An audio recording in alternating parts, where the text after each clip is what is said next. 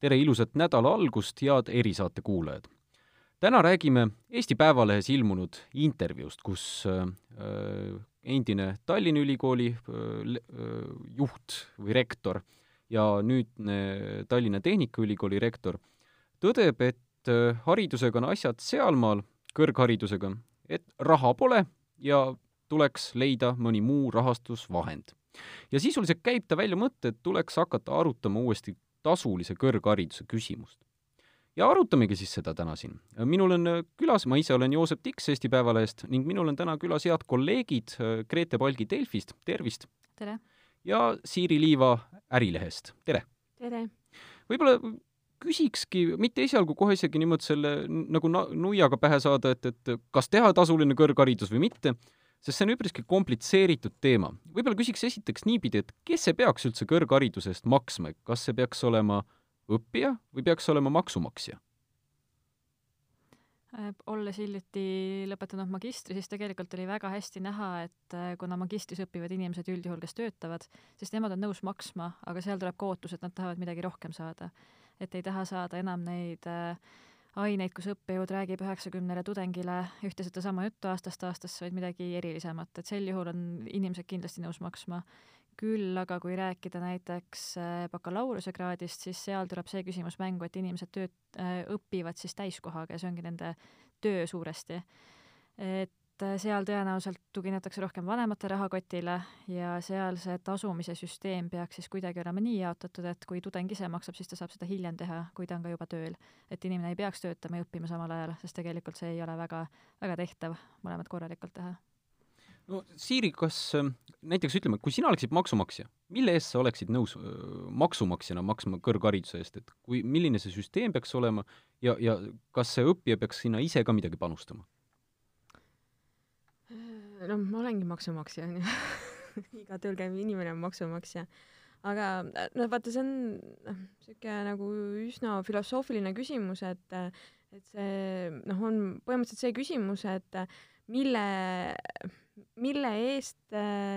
me üleüldiselt oleme maksumaksjana nõus, et riik kulutab te-, noh, mingitesse sektoritesse raha, onju et äh, mina olen nõus sellega, et minu kui maksumaksja raha suunatakse äh, näiteks äh, tasuta kõrgharidusse, sellepärast et äh, ma ise väärtustan haridust väga palju äh,, ma ise olen saanud tasuta kõrghariduse Eestis äh,, ma ka võtsin endale põhimõtte, et kui ma oma võimete ja oskustega ei ole võimeline endale tasuta kõrgharidust tagama, siis ma ei pea minema kõrgkooli äh,. ja, ja noh, sellepärast äh, ma arvangi, et ka nagu kõrgharidus peaks olema tasuta ja ta peaks olema tasuta sellisel moel, et ikkagi need, kes saavad ülikooli, äh, nad on kuidagi ikkagi välja selekteeritud äh, oma nagu teadmiste ja, ja oskuste baasil. et äh, noh, jah, ma tean, et mingi ajani meil kehtis niisugune süsteem, kus põhimõtteliselt olid riigieelarvelised kohad ja riigieelarve välised kohad ja kus siis nagu põhimõtteliselt, kui sa riigieelarvelisele kohale ei saanud, sa võisid maksta ja ikkagi nagu õppida seda, seda eriala ähm,. Mi-, minul ei olnud midagi selle süsteemi vastu ka äh,, sellepärast et äh, kui mina sain riigieelarvelisele kohale äh,, siis ma sain sinna oma nagu noh, võimete tasandil ja see, kes ei saanud oma võimetega, noh, tema pidigi siis rahaliselt panustama. ja ma nagu ei tundnud, et sellega kuidagi ka selle hariduse kvaliteet oleks langenud äh,, vahepeal ma isegi nägin seda, et äh, need, kes olid tasulisel kohal, et nemad nagu mingites asjades isegi pingutasid rohkem kui tasuta kohtadele saanud. aga ma arvan, et see ongi nagu niisugune põhimõttelisem küsimus, et, et noh, millele me maksumaksjatena oleme nõus, et riik kulutab raha ja millele me ei ole nõus, et ja noh, teiseks, kui sa loogiliselt mõtled, et, noh, mis on nagu üldse nagu ühiskonna jätkusuutlikkuse mõttes äh, oluline või kuhu on oluline raha kulutada, siis no fakt on see, et nagu riik peab tegema ju valikuid, et mis valdkondadesse ta suunab selle raha ja kuhu ta ei suuna. mina maksumaksjana saan otsustada ka, et kas ma olen nõus nende valikutega, mis valitsejad on minu eest teinud või ei ole. siis, kui seitse aastat tagasi, kui ma nüüd aastaarvuga ei eksi, kaks tuhat kolmteist tehti see. Reform, et kõik muutub tasuta äh, kõrghariduseks, siis ma mäletan, kõlasid kaks sellist argumenti, et üks neist oli see, et äh, tudeng ei peaks tööl käima, et ta saaks keskenduda õppimisele. ja teine oli siis see, et, et äh, edendada eestikeelset kõrgharidust. täna Landi intervjuust ma vaatasin, lugesin ja tegelikult seda, see on ka varem meediast ju läbi käinud, et fakt on see, et ikkagi tudengid käivad tööl. ei ole seda, et, et nad keskenduvad ainult õppimisele. ja, ja ega noh, kus nad muidu saaksidki elamiskuludeks raha ja teine, mis sealt läbi kajas, oli see, et äh, eestikeelseid doktorante näiteks jääb vähemaks ja seda eestikeelset osa jääb kõrghariduses vähemaks, nii et need mõlemad argumendid, millega üldse mindi tasuta kõrgharidust tegema, on kuidagi öö, äh, uppi kukkunud või keeratud. Küsimus võib-olla Landi poolt, mis ka ma ei tea, vis-, visati avalikkusesse välja või küsiti avalikkuselt, on see, et kust see raha siis peaks tulema? mis see rahastab seda, et need kas siis tudengid tööle peaks käima, kas äh, eestikeelne kõrgharidus jätkuks, mida teha? no kindlasti on meil stipendiumite süsteem väga puudulik, sellepärast kui mina läksin õppima, siis oli kursuse peal umbes paar õpilast said äh, enda hinnete pealt siis stipendiumit, mis oli vist sada eurot kuus, millega sa maksad ühika ära ja see on kõik lisaks äh, vajaduspõhine süsteem on ka väga kreenis, sest sinna võetakse arvesse sinu kuni kahekümne nelja aastased õed-vennad, näiteks vanemid, kes sind ei toeta reaalselt rahaliselt, et see on väga keeruline, sest tihtipeale, või noh, on selliseid juhtumeid, kus tudeng ongi oma elu peal, kus vanemad ei saa teda toetada, sest neil on mingisugused laenud ja muud kohustused.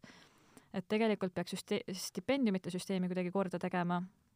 ja minu hinnangul oleks kõige parem lahendus see, mis on Inglismaal tehtud kus äh, tudengid võtavad riigi käendusel õppelaenu, nende õppimine makstakse kinni, neil on minu teada ka rohkem stipendiume, et nad saavad siis ka muu elu kinni maksta, söögi-joogi, ja hiljem, kui nad teatud palka hakkavad teenima, siis nad hakkavad iga kuu tagasi maksma mõnikümmend eurot. üks minu kursuse vend magistris äh, oli õppinud äh, Suurbritannias ja tema kiitis seda väga, sest tegelikult kui sa teenid üle Eesti keskmise, mis on mingi tuhat nelisada eurot bruto vist, siis see kolmkümmend, nelikümmend eurot iga kuu maksta tagasi enda hea hariduse pärast ei ole ju iseenesest palju. siis äh, väärtustatakse ka seda, et sa saad hea töökoha, ülikoolil on oluline, et tudengid saavad hea töökoha, sest siis nad saavad selle raha tudengilt tagasi versus võib-olla riigilt, ehk siis äh, võib-olla kuidagi nii saaks rohkem raha tagasi haridusse, ei tea, aga igatahes praegune süsteem selgelt ei ole jätkusuutlik, sellepärast et kulusid vähendatakse ülikoolides jõudsasti, haridus kannatab, tudengid pole nii väga rahul. ja noh, asi ei no, saa nii kindlasti jätkuda, et ma nõustun Tiit Landiga. no ta ise toob siin välja ju seda, et, et erasektor tegelikult võiks hakata rohkem raha teadus äh, teadus-arendustegevusse suunama, et kui praegu on nagu riigi erasektori kogurahastus kuskil üks koma viis protsenti, et siis noh, näiteks Iisraelis SKT-s siis, et siis näiteks Iisraelis rahastab puhtalt erasektor teadus-arendustegevust viie kuni kuue protsendi ulatuses. aga ma, ma tegin sinna väiksed rehkendused omaette, võtsin välja äh, Tartu Ülikooli siis äh, need summad, mis nad peavad maksma äh, siis äh, ainepunktide eest, et seal oli, kui sa oled siis see tudeng, kes ei täida ainemahtu, oleks ekstern või nii edasi, et siis oli sinul näiteks sotsiaalteaduses oli nelikümmend, nelikümmend viis eurot, oli üks ainepunkt, loodusteadusest oli siis nelikümmend samamoodi ja näiteks arstiteaduses oli sada eurot. võtsin selle neljakümne eurose, korrutasin selle kolmekümnega, see vist peaks olema üks semester enam-vähem ja siis ma sain tuhat kakssada eurot selle, ütleme, semestri tasuks, ehk siis see läks poole aasta jooksul läks maksta, aastas oleks, aastas oleks kaks tuhat nelisada eurot. noh, muidugi jällegi võrdluseks välismaalastele ma vaatasin, hinnakiri oli kaks korda kallim, et ju ta siis oleks seal kahe tuhande viiesaja, viie tuhande euro vahel väljaminek aastas. ma isegi ei küsi midagi siia otsa, ma lihtsalt tõin illustratsiooniks selle rehkenduse, et mis see maksma võiks minna see süsteem tegelikult toetab seda, et vaesed jäävad vaesemateks ja rikkad saavad jälle rohkem rikkust ka teadmist koguda. sest kui inimene tuleb kehva majandusliku taustaga perest, siis eeldad, et aastas leiab selle kaks tuhat viissada kuni viis tuhat eurot pluss veel elamiskulud, eh, mis on iga kuu vähemalt kakssada eurot, ma ütleksin tudengi jaoks, ja see on selline miinimum, siis ta ei saa samal ajal töötada ja õppida sellises mahus, et teenida see raha ära. ja õppelaenud on ka ju tegelikult äh,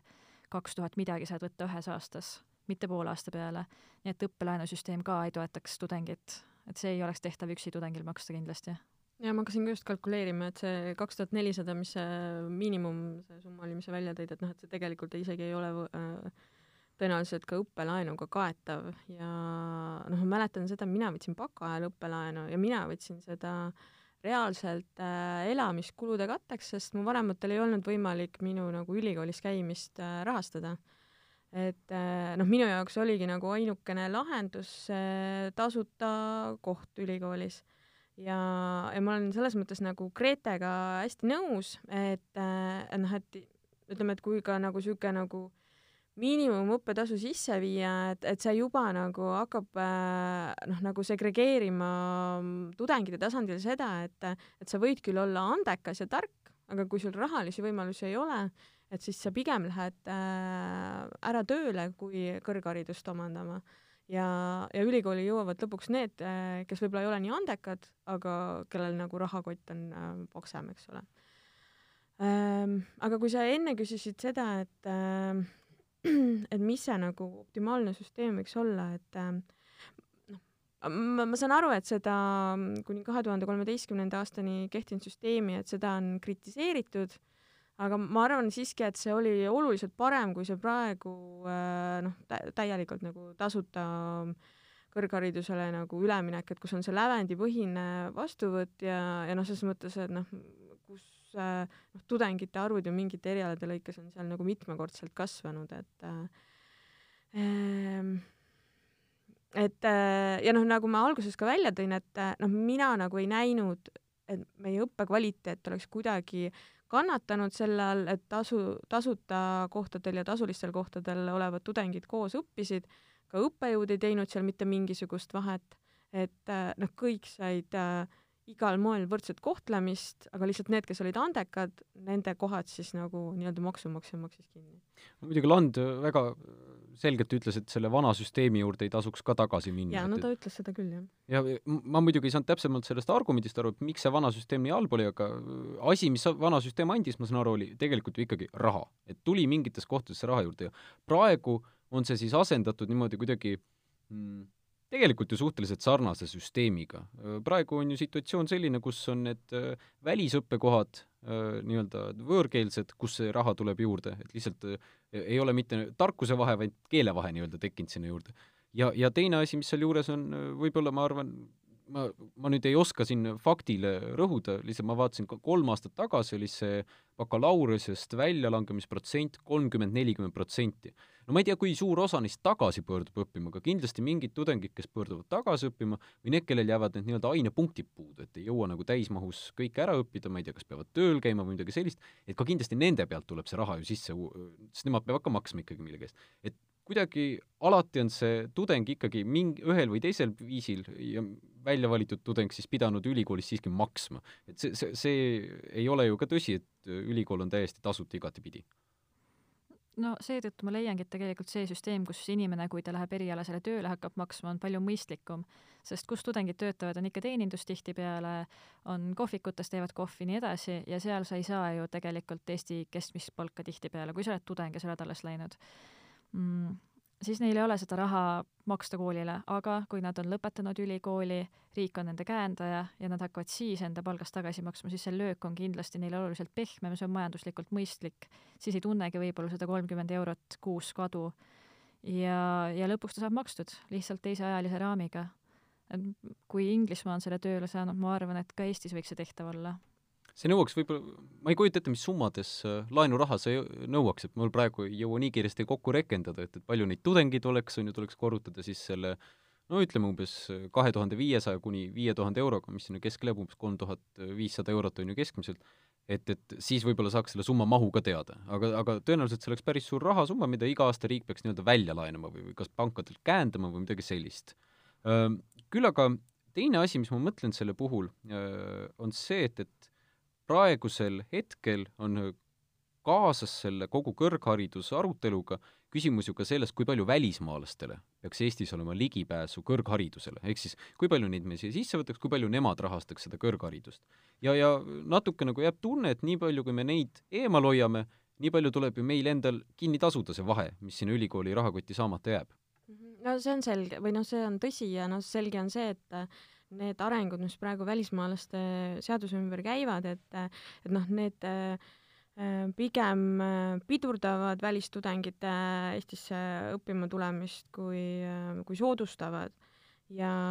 ja noh, tegelikult välistudengid on ju üks potentsiaalne rahastusallikas. samas no Tiit Land ise ka ju selles tänases loos möönas, et et tegelikult need välistudengid ei ähm, Äh, nad ei teeni tasa neile tehtavaid nagu õppekulutusi, aga samas nad aitavad ikkagi avada mingeid õppekavasid või hoida käigus mingeid õppekavasid, mida nagu Eesti tudengitega ei oleks võimalik äh, täita. et nad tagavad äh, noh, mingisuguste erialade äh, noh, nagu professionaalide siis ettevalmistuse. Ja no oleme ausad, et, et need erialad, mida välistudengid tulevad Eestisse õppima, et tegelikult need on ju valdkonnad, kus meil endal ongi töökätest puudu et noh, tegelikult see mõte, et, et kui ta tuleb, see välistudeng Eestisse õppima, et tal võis, võiks nagu pikemas perspektiivis olla võimalik sellel valdkonnal ka Eestis tööd saada, see on ju väga mõistlik mõte, et me oleme juba ju ma ei saa öelda, et kümme aastat, aga no viimased viis aastat vähemalt on ju tohutu tööjõupuudus teatud sektorites, noh, IT-sektoris on see kõige teravam, aga on ka mitmeid teisi valdkondi, kus oskustöölistest on puudu miks me siis nagu paneme potentsiaalse kõrgharitud äh, äh, tööjõu ees äh, ukse kinni, kes võiks natukene aidata leevendada seda raha äh,, rahalist survet? Samal ajal kui kui noh, nagu teine alternatiiv on see, et, et tõesti, et me peame siis hakkama nagu kõikidelt tudengitelt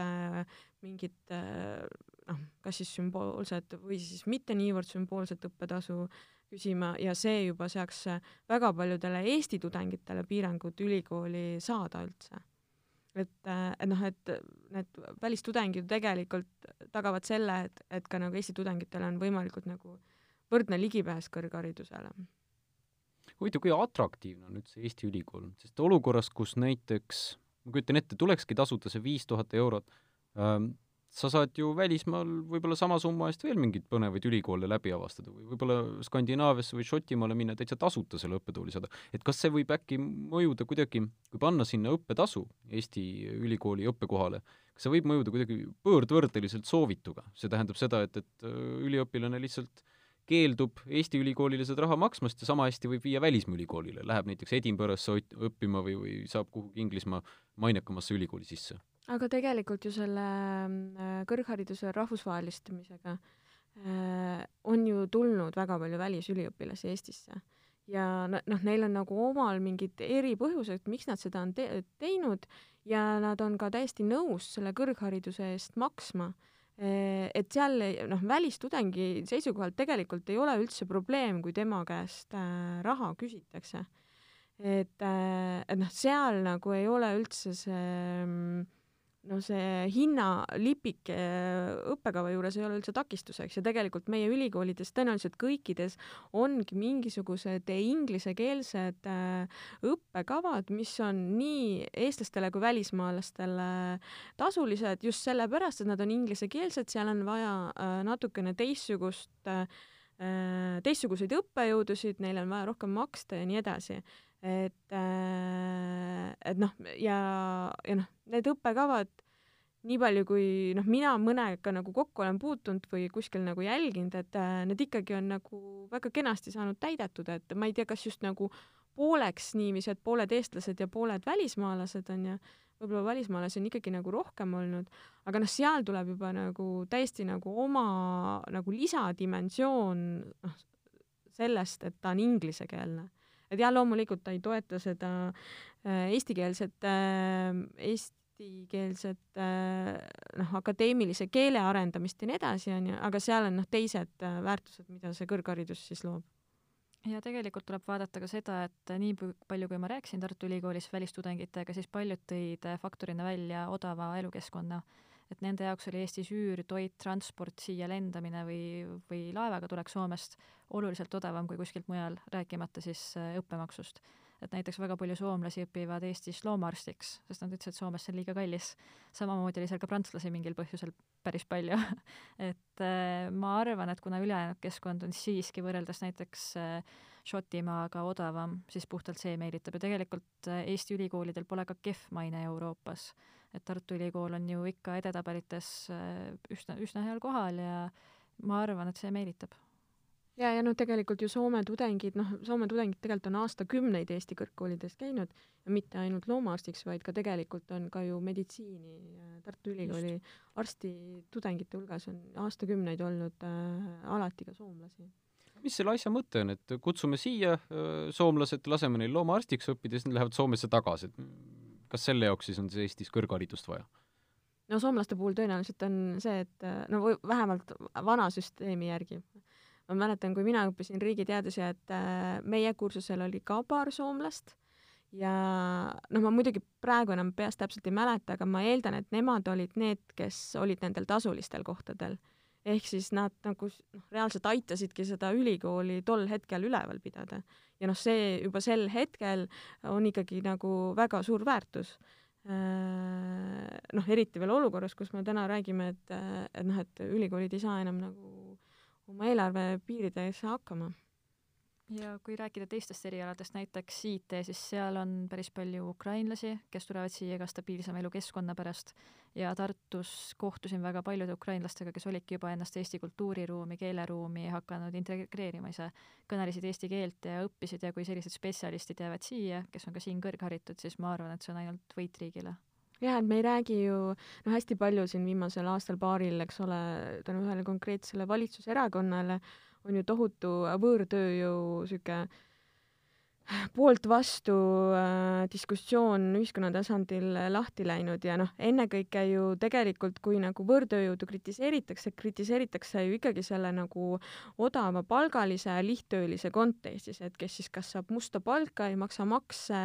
nii edasi, nii edasi, aga noh, antud kontekstis, kõrghariduse kontekstis me räägime ju ikkagi kõrgepalgalistest oskustöölistest, kes loovad majandusele lisandväärtust mitte ei tee madala produktiivsusega tööd, millest nagu noh, majandusele üldiselt nagu midagi kasu ei ole. vaatasin, Tiit Land tõi välja ka selle, et äh, eestikeelseid doktorante jääb vähemaks ja oli seal vist viiskümmend protsenti kasvu olnud võõrkeelsetele doktorantidele,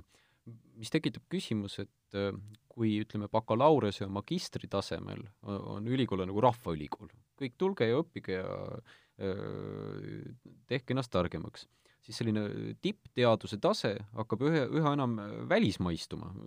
et võib-olla on küsimus, et kuhu need eestlased kõik kaovad, miks nad välja jooksevad sellest kõrghariduse süsteemist? jooksevadki välismaa ülikoolidesse paremaid võimalusi otsima, sest paraku Eesti,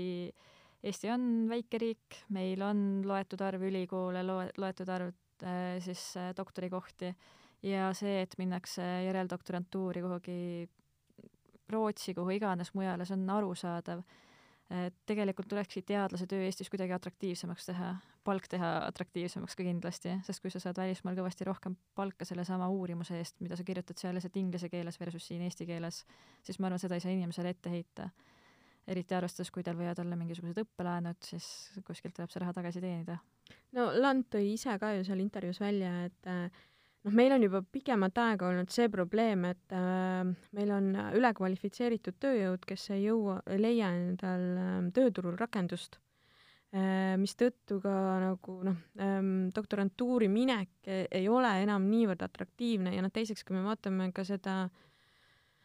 ma ei teagi, kuidas seda täpselt nagu nimetatakse, et kas see on siis doktoranditasu või toetus või, või stipendium, mis nad saavad, onju. et noh, see ja just, et, et see ei ole iseenesest ju noh, väga motiveeriv summa, et, et noh, selle kõrvalt sa selgelt pead midagi muud tegema, et, et ära elada. et, et jah, et seal peaks nagu noh, kus on doktorikraadiga inimesi vaja, eks ole, need ongi äh, noh, ütleme, kui me võtame eraettevõtluse seisukohalt, et need on ettevõtted, kes panustavad ja mõtlevad väga palju teadus-arendustegevusele, eks ole. ja noh, selge see, et see, see ei ole, noh, meie ettevõtetes ei ole selle, ei panda sellele piisavalt palju rolli või siis on need ettevõtted niivõrd väiksed, et seal ei ole väga suurele hulgale doktorikraadiga inimestele rakendust. Ehm, et noh, see, see ongi nagu see koht, et kus siis nagu saab ka selle nagu noh, kus tulebki nagu mõelda ja juba nagu väga pikalt on seda ka rõhutatud, nagu selle ettevõtete endi nagu töökorralduse või ka, või ka nagu selle noh, tegevuse seisukohalt nagu mõelda, et, et noh, et kas ja kui palju nad seda teadus-arendustegevust saavad teha või, või noh, kus on nagu potentsiaali mingites valdkondades luua selle no, teadus-arendustegevuseks töökohti. Et ähm,, et noh, see jah, et see ettevõtlussektorile see ei ole ainult küsimus sellest, et, et kui palju ta nagu noh, üleüldiselt ähm, panustab, noh, see suhe SKT-sse rahaliselt äh,, aga ka teiseks, et noh, et kui palju ta nagu noh, reaalselt nagu oma tegevuses nagu mõtleb selle peale, et et nagu noh, tõsta oma tegevusega loodavat äh, seda lisandväärtust. teine mure on kindlasti ka see, et ülikooli enda õppetoolid vajavad ju järelkasvu ja, ja kui äh, ütleme, keegi, kes läheb perspektiiviga saada ülikooli õppejõuks, läheb doktoriks õppima, siis see perspektiiv tähendab seda, et tema palk Eestis hakkab olema, nagu Tiit Lant toob välja, enam-vähem võrdne keskkooli õpetaja omaga, mis, mis ei ole küll halb, küll aga ütleme näiteks rahvusvahelisel mõõtmel ta enam oma kolleegidega palga mõttes ei konkureeri. et kergem on vist jääda magistri peale ja lihtsalt teha mingit muud tööd. just, see doktorikraad nõuab ju tegelikult ideaalis neli tõenäoliselt rohkem aastaid panustamist, kus sa teed seda sisuliselt täiskohaga enda muu tegutsemise kõrvalt. Ja kui sul pole siht just hakata ainult teadustöid kirjutama, uurima, vaid sa tahadki tõesti kuidagi panustada tagasi ja õppejõuna tegutseda, siis Eestis on see natuke nukker, et mis sinu palk hakkab olema, mis sinu töökoormus hakkab olema, sest seda on ju küllalt näha, kuidas õppejõud tõmbavad ennast kolmeks tükiks, et et kõik need ületunnid, tudengite hindamised, kõik, kõik, kõik ära teha tõmbaks otsad kokku, küsiks lõpetuseks selle, millest me ka enam-vähem alustasime, kas kõrgharidus tuleks teha siis tasuliseks või mitte? mina leian, et jah, ainult et selle hilisema tagasimaksmise süsteemiga, mitte nii, et tudeng töötab kohvikus, maksab ja õpib samal ajal. no minule sobis see süsteem, mis oli enne kahe tuhande kolmeteistkümnendat aastat. ma saan aru küll, et äh, Tiit Land ütleb, et seal on lihtsalt see probleem, et äh, et äh, mingitel erialadel, kus ei ole niivõrd suurt ühiskondlikku tellimust, tekib lihtsalt nagu äh, liiga suur hulk seda haridust saanud äh, tudengeid. aga noh, selles mõttes, et ähm, tegelikult ju mingite eluvaldkondade lõikes sa ei õpigi konkreetset ametit vaid sa nagu noh, kui me võtame sotsiaalteadused, on ju, et et sa saad nagu ise nagu pigem nagu valida, et mis sa selle hariduse baasil, mis tööd sa tahad nagu minna tööturul tegema aga, aga noh, ma usun seda, et nagu kõrgharidus ikkagi nagu loob mingisuguse nagu analüüsivõime ja niisuguse nagu suurema pildi nägemise oskuse, millest nagu noh, nii ettevõtetel kui ka riigiasutustel äh, noh, töötajate näol on äh, oluliselt äh, rohkem kasu. see vist on see vana aja tasakaalu küsimus akadeemilisuse ja oskus, oskuste vahel, et, et kumba see kõrgharidus peaks rohkem andma ja, ja noh, need on, see on üks dilemma, mis mul endal oli ka, kui ma ülikoolis käisin. vot, aga tänan teid siia saatesse tulemast. ma eeldan, et see kõrghariduse arutelu jätkub veel, saab hoida silma peal sellel. tänan ka erisaate kuulajaid, et olite meiega ning ilusat ja sooja, nagu täna veel väljast on näha, nädala jätku. aitäh!